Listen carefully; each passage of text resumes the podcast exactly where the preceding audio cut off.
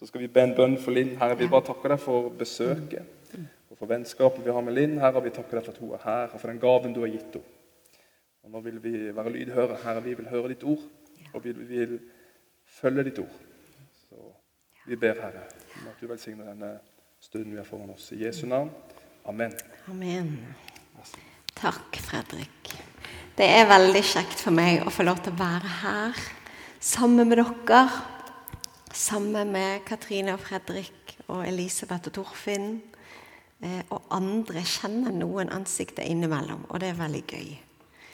Um, vi skal selvfølgelig gå til Guds ord, så hvis du har en bibel med deg, så er det veldig lurt. Um, For da kan du få lov til å åpne den i Lukas kapittel 10. Skal vi se.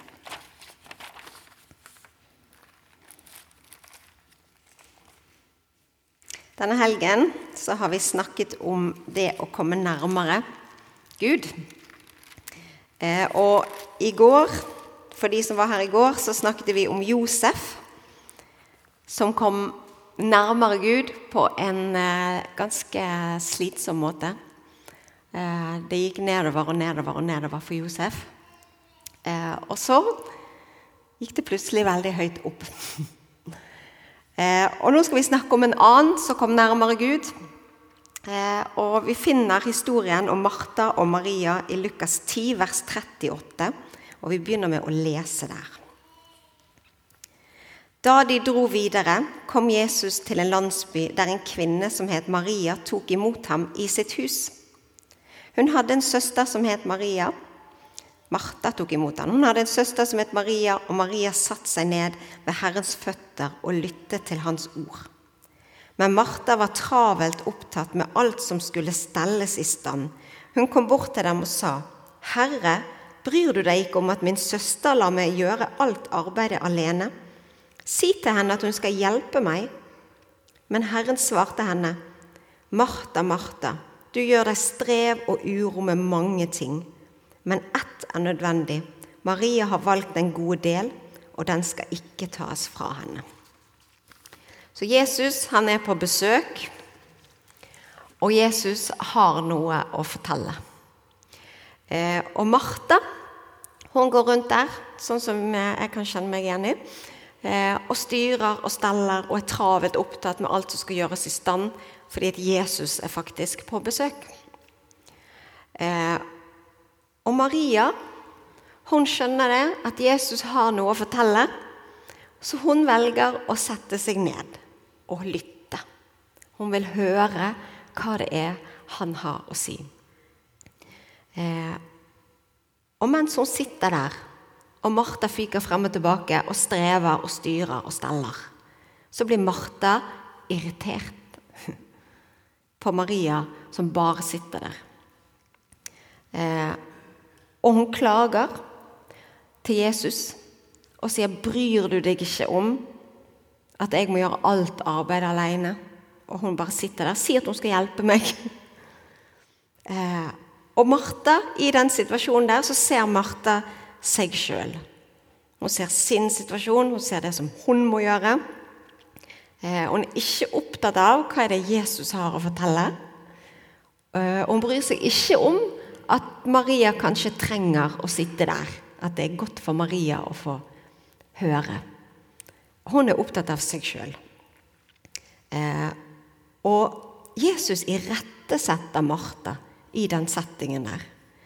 Eh, og Martha får høre at hun har utøvd en dårlig dømmekraft i den settingen. Eh, for Martha hun trodde at det var viktigere å gjøre noe for Jesus enn å høre Jesus. Eh, og Derfor irettesetter Jesus henne. Og Maria i den situasjonen opplever at Jesus verner henne. Jesus reiser et vern rundt det valget som hun har tatt når hun sitter seg ned der ved Jesus sine føtter. Og han verner henne mot de anklagene som kommer ifra en søster. Eh, Så Jesus reiser sin røst og forsvarer at Maria ikke styrer og steller, og sier at hun har valgt den gode del. Og så verner han om henne ifra den anklagen som kommer mot Maria. Og Så fortsetter historien i Johannes 11. Så da må vi bla litt bak. Eh, og Der finner vi Martha og Maria igjen, men i en annen situasjon.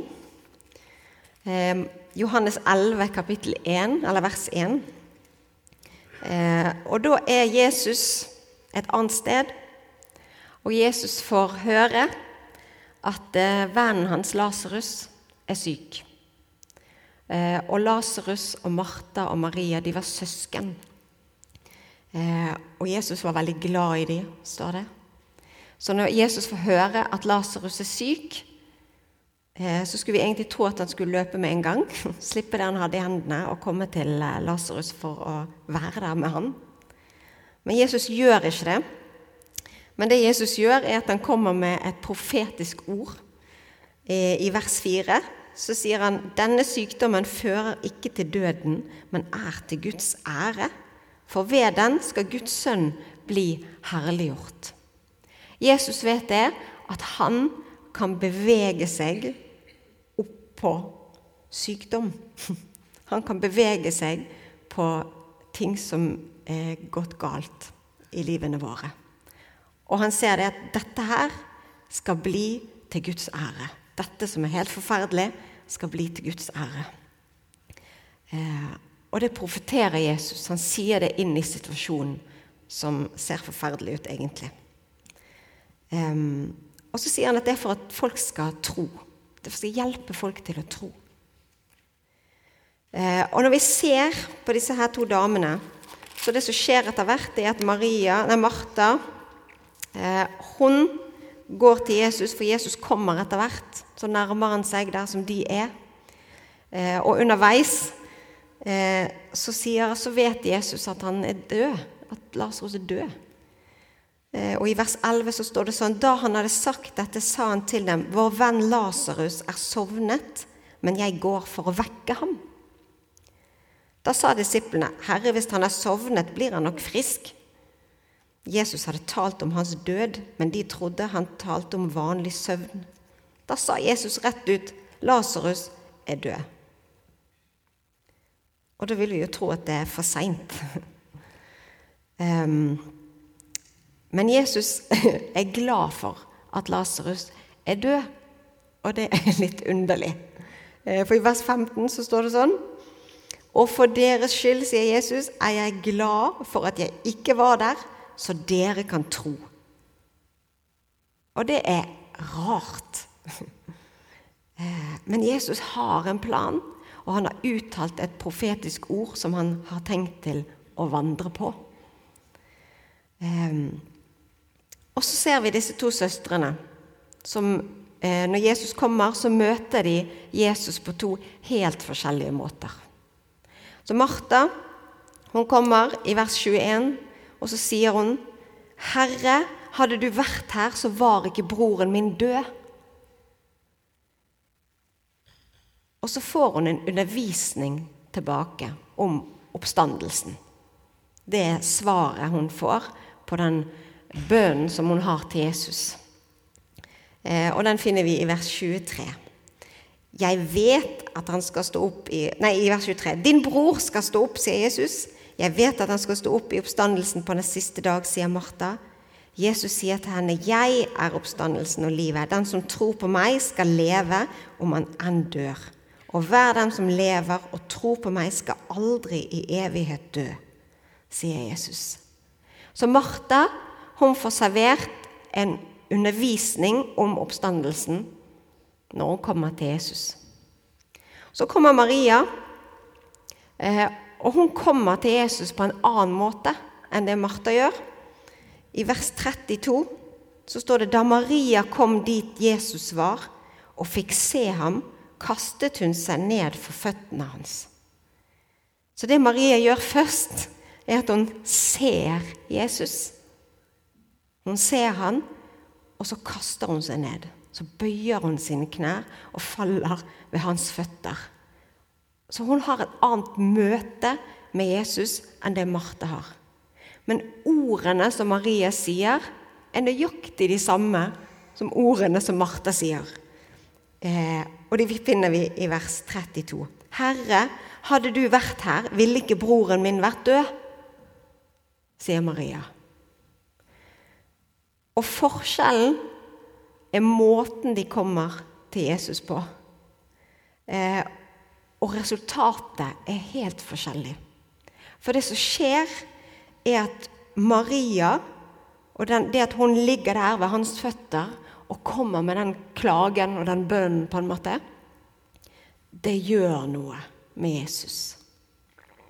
Eh, og det står i vers 32 da Jesus så at både hun og alle jødene som fulgte henne, gråt, ble han opprørt og rystet i sitt indre. Sånn at Maria hun rørte et sted i Jesus som Martha ikke gjorde. Eh, så Maria beveget Jesus på et sted der han blir opprørt, der han blir rystet. Og litt lenger nede så står det at Jesus gråt. Og igjen så står det at Jesus ble igjen opprørt. Eh, så det er stor forskjell på den måten som disse to søstrene møter Jesus på. Og Maria hun hadde vært der før, ved Jesus sine føtter. Så hun kom til Jesus igjen, så ser hun den han er, og så faller hun ned. Og så er hun der igjen. Men det er to helt ulike reaksjoner. Um, og den rystelsen som Maria klarer på en måte å utløse i Jesus, den har Jesus bedt om på forhånd. Og Hvis vi ser litt tilbake igjen i teksten i vers 28, så går Martha for å finne Maria og sier 'Mesteren er her og spør etter deg'. Og Det er etter at Martha har kommet med sitt spørsmål eller sin klage, sin bønn til Jesus. Så går det en liten stund, og så sier Jesus til noen, 'Hent Maria. Send henne til meg.' Og Så kommer Maria, og hun finner den rette plassen foran Jesus, som er ved hans føtter. Etter at hun har sett hvem han er, så er det ved hans føtter. Og så rører Maria ved Jesus sitt hjerte. Og det utløser en rystelse i Jesus som fører til mye mer. Eh, og det kan på en måte nesten se ut som om Jesus trengte det i den situasjonen. Han spør i hvert fall etter det. Hent Maria til meg. Og så er det det som skjer. Og kanskje var det fordi at Jesus visste at Maria hun har satt ved mine føtter før.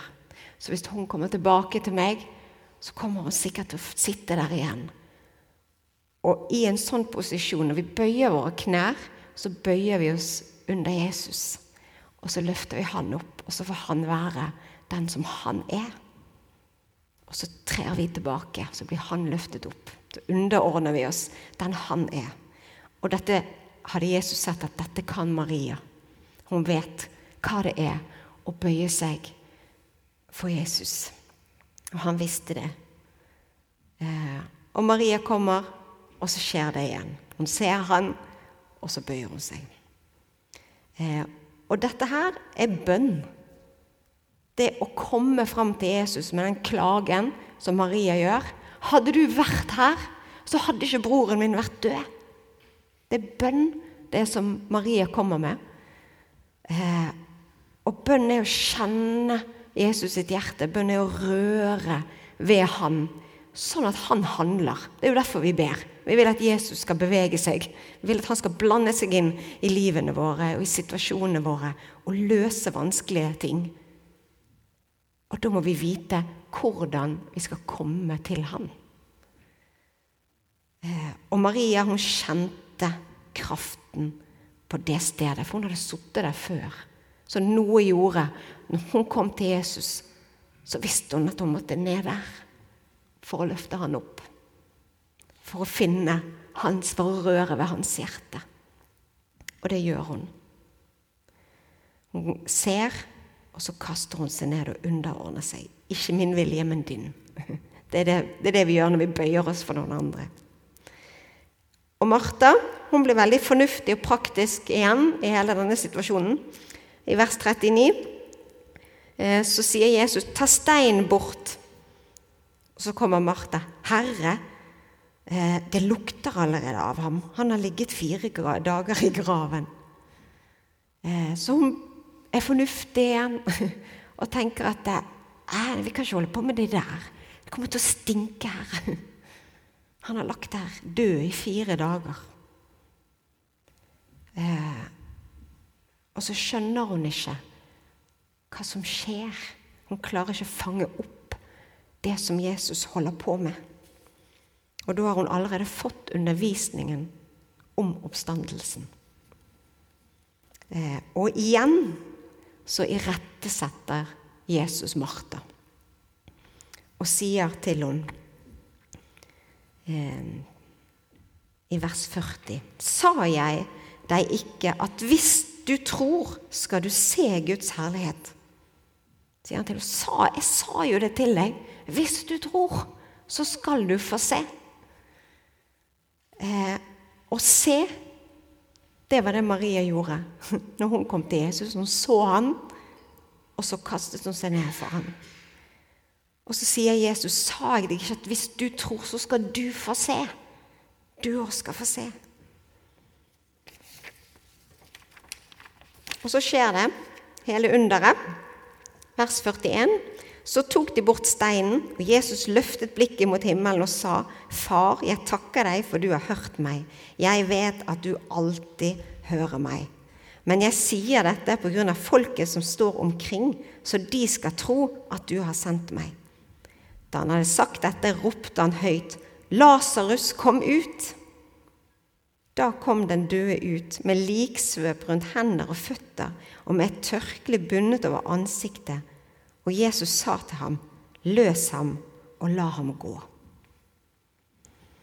Jesus viste at døden var underlagt han, sånn som han hadde profetert at han kom til å gjøre. Eh, og Jesus fyller denne hulen med død med sitt ord. Eh, og noen ganger så kan vi ha sånne huler i livene våre sånne stengte steder eh, der det er ting som stinker, som er døde. eh, og da trenger vi å rulle steinen til side. Og så trenger vi å ta imot Jesus sin stemme, Guds ord, inn i det mørke, døde, livløse rommet. Og når Jesus sitt, sin stemme får fylle et sånt rom som er fylt med død, så kommer det liv ut igjen. For døden er nødt til å vike for Jesus. Sånn at når han roper inn i gravhulen, så må døden vike derifra. Og så kommer det liv ut. Så kommer Lasarus gående ut ifra døden. Og sånn er Jesus. Eh, og vi skal ikke være redd for å blottlegge for han sånne huler som er mørke, som stinker, som ikke tåler lyset, eh, der det er døde ting. Eh, men vi kan rulle vekk steinen og si 'Jesus, kom og tal inn i mitt mørke'. Kom og tal inn i dette hullet. Eh, og la det komme noe liv ut herifra. For dette er det så uendelig dødt. Og Lasarus, han ble den arenaen som Jesus viste og åpenbarte sin herlighet på. Og han fikk erfare at Jesus sin røst nådde helt, helt inn i det komplette, håpløse mørket. Det var helt håpløst inni den mørke graven. Men når Jesus sin stemme kom inn der, når hans ord kom inn der, så kommer det livet ut igjen. Og så er døden vekke så er ikke det mørke stinkende der inne lenger. Både Martha og Maria var troende. Både Martha og Maria kom til Jesus med problemene sine. men de kom på to helt forskjellige måter. Og det gjør at jeg tenker Hvordan er jeg? Hvem er jeg når jeg kommer til Jesus? Kommer jeg til Han praktisk med en tilnærming av 'Hvorfor var ikke du her, Jesus, og stilte opp for meg?' Hvorfor var ikke du her? Hadde du vært her, så hadde ting vært mye bedre. Eller kommer jeg og ser Han først, og bøyer meg for Han, og så øser ut min klage og min bønn? Og Det spørsmålet kan du stille deg sjøl òg. Hvordan er du når du kommer til Jesus? Så fortsetter historien i neste kapittel, i kapittel 12. Og da er de hjemme hos Lasarus, for nå er han levende igjen. Eh, og vi leser fra vers 1. Seks dager før påske kom Jesus til Betania, der Lasarus bodde, han som Jesus hadde vekket opp fra de døde. Der ble det holdt et festmåltid for ham, og Martha vartet opp, og Lasarus var blant dem som lå til bords sammen med ham. Da kom Maria, med ett pund ekte, kostbar nardussalve, og med det salvet hun Jesus sine føtter og tørket dem med sitt hår. Hele huset ble fylt av duften. Og da sa Judas Iskariot, en av disiplene, han som siden forrådte ham, Hvorfor ble ikke denne salven solgt for 300 denarer og pengene gitt til de fattige? Dette sa han ikke fordi han hadde omsorg for de fattige, men fordi han var en tyv. Det var han som hadde pengekassen, og han pleide å ta av den det som ble lagt i den. Men Jesus sa, la henne være, hun har spart salven til den dagen jeg skal begraves. De fattige har dere alltid hos dere, men meg har dere ikke alltid. Det ble kjent i den store mengden av jøder at Jesus var i Betania. Når de kom dit, nei, nå kom de dit ikke bare for hans skyld, men også for å se Lasarus, som han hadde vekket opp fra de døde. Da la overprestene en plan om å drepe Lasarus også. For mange av jødene dro dit på grunn av ham og kom til tro på Jesus. Eh, så i dette selskapet så finner vi Martha igjen. Og kanskje la du merke til det at hun vartet opp.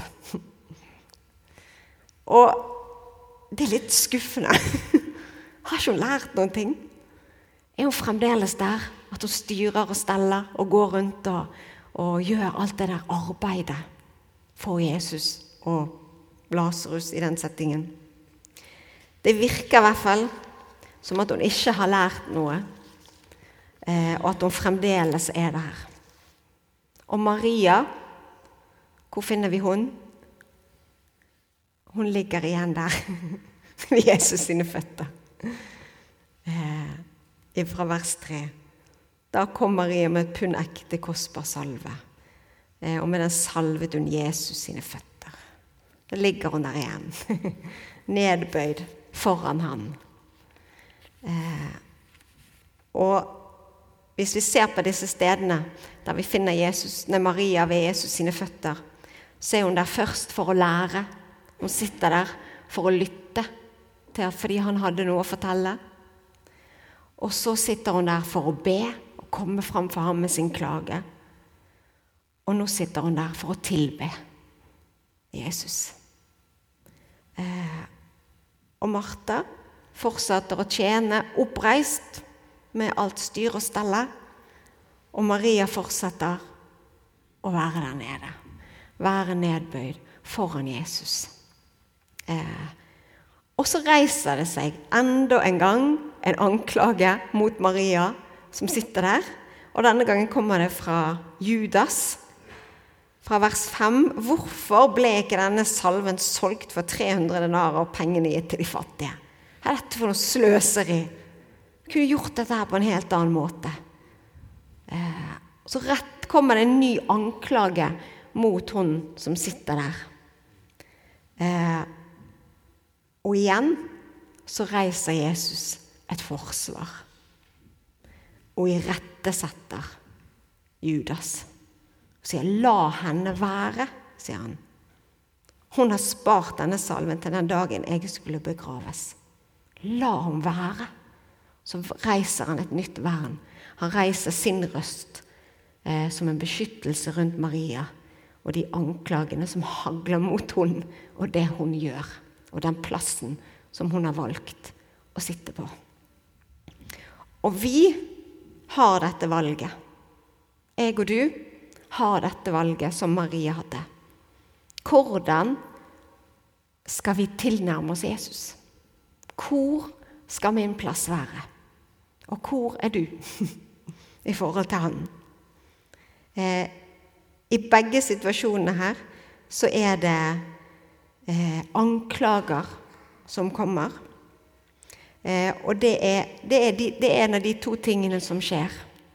Hvis du er en som velger å leve ved Jesus sine føtter, at når du kommer fram til han, når du, har, når du ber, at du kommer med et nedbøyd hjerte, en nedbøyd, ydmyk ånd, som løfter han opp, og som bøyer deg sjøl ned, så skjer det to ting.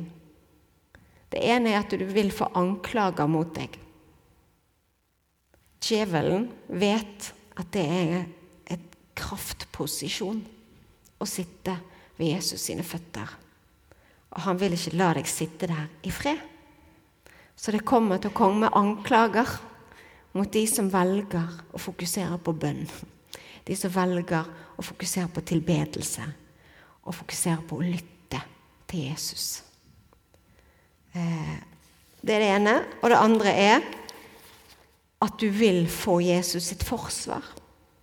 Han vil reise et vern rundt deg hvis du velger å komme til Jesus på den måten. Så vil han løfte sin røst mot de som anklager deg. Så det er de to tingene som skjer når vi velger det å komme til Jesus på det stedet. Så vår oppgave er å leve der ved Jesus sine føtter. Det er å se Han og betrakte Han for våre indre øyne. Eh, og i tilbedelse, når vi tilber Jesus, så kan vi få glimt og se Han. Vi kan se Han i hjertene våre eh, og skjønne at Han er stor. Jeg må bare bøye meg. Og det er det Maria gjør. Hun får se Jesus, og så bøyer hun seg. Og så skal vi få sitte der og lære. Eh, og det er sånn som barn gjør. Eh, på barneskolen så sitter gjerne læreren på en stol, og så sitter alle barna rundt sånn.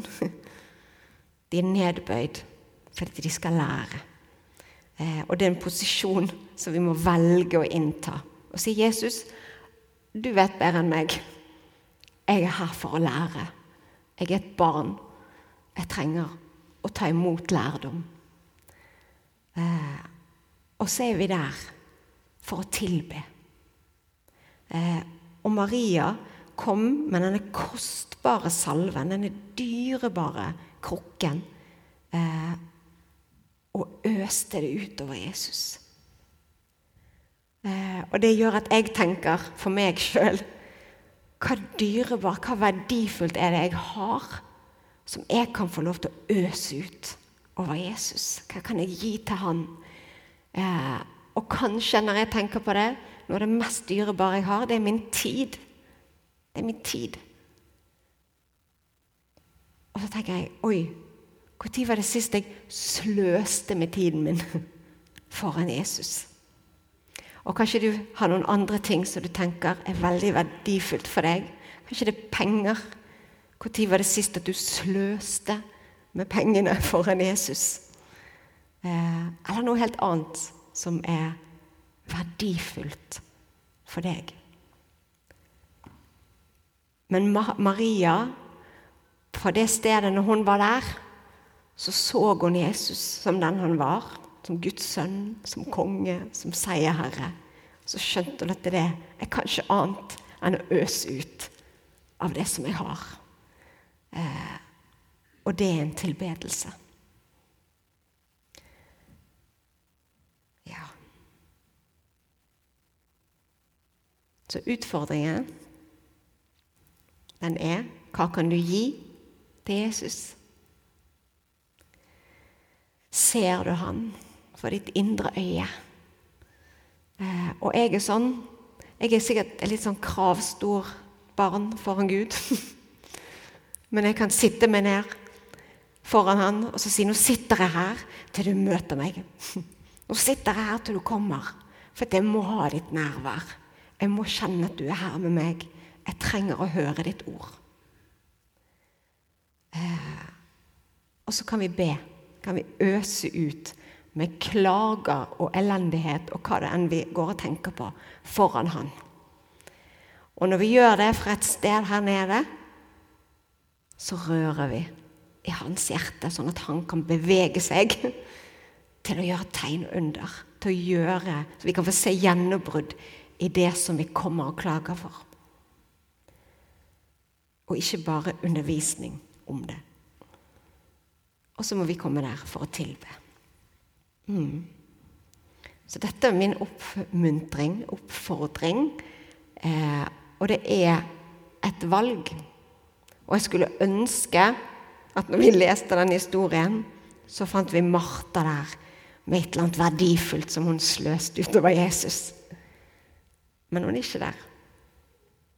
Eh, og vi velger sjøl hva holdning, på en måte, hva hjerteholdning har vi når vi kommer til Jesus. Så da vil jeg be en bønn. Herre Jesus, vi priser og ærer deg og takker deg for den du er. Og Jesus, takk at du kjenner alle hjertene i rommet her. Og du ser hvor vi er. Og du ser de av oss som strever med å finne den plassen ved dine føtter. Og da er det mye lettere for oss å gjøre ting for deg og ta tak i praktiske oppgaver og styre og stelle og fyke rundt. Eh, og så går vi glipp av noe.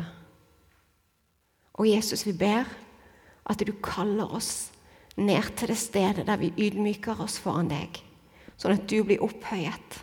Der vi legger ned vår egen vilje, der vi legger ned våre egne liv, og der du blir stor, Jesus. Og Herre ber at vi alle sammen, når vi kommer fram foran deg, skal få se deg. At vi skal være sulten på å se ditt ansikt og kjenne ditt nærvær. Sånn at vi forstår at vi kan ikke annet enn å bøye oss. Fordi vi er bare små. Vi er bare mennesker. Og du er Gud. Og så ber vi, Herre, om at vi skal gripe denne nøkkelen her når vi ber. Sånn at det skjer noen ting når vi ber. Sånn at vi kan få gjennombrudd og bønnesvar. Hjelp oss til å komme fram foran deg sånn som Maria gjorde. Nedbøyd med alle våre klager, alle våre rop og bønner. Sånn at vi kan røre ved ditt hjerte, så du kan bli rystet i din ånd. Rystet eh, og beveget til å handle, til å rope inn i sånne mørke huler. Det som er full av død og stank. Sånn at det kan komme liv ut fra de stedene, Jesus. Hjelp oss, Herre. Og Herre, så ber vi at vi skal få kjenne og erfare den tryggheten som det er i at du reiser et vern rundt oss når vi velger å sitte der ved dine føtter. Takk at du gjør det, Jesus. Takk for at vi vil høre ditt forsvar mot de som anklager den posisjonen å tilnærmes deg på. Takk at det er trygt og godt og rett å sitte nedbøyd foran deg, Jesus. Herre. Og hjelp oss til å velge riktig. Jesus, priser deg.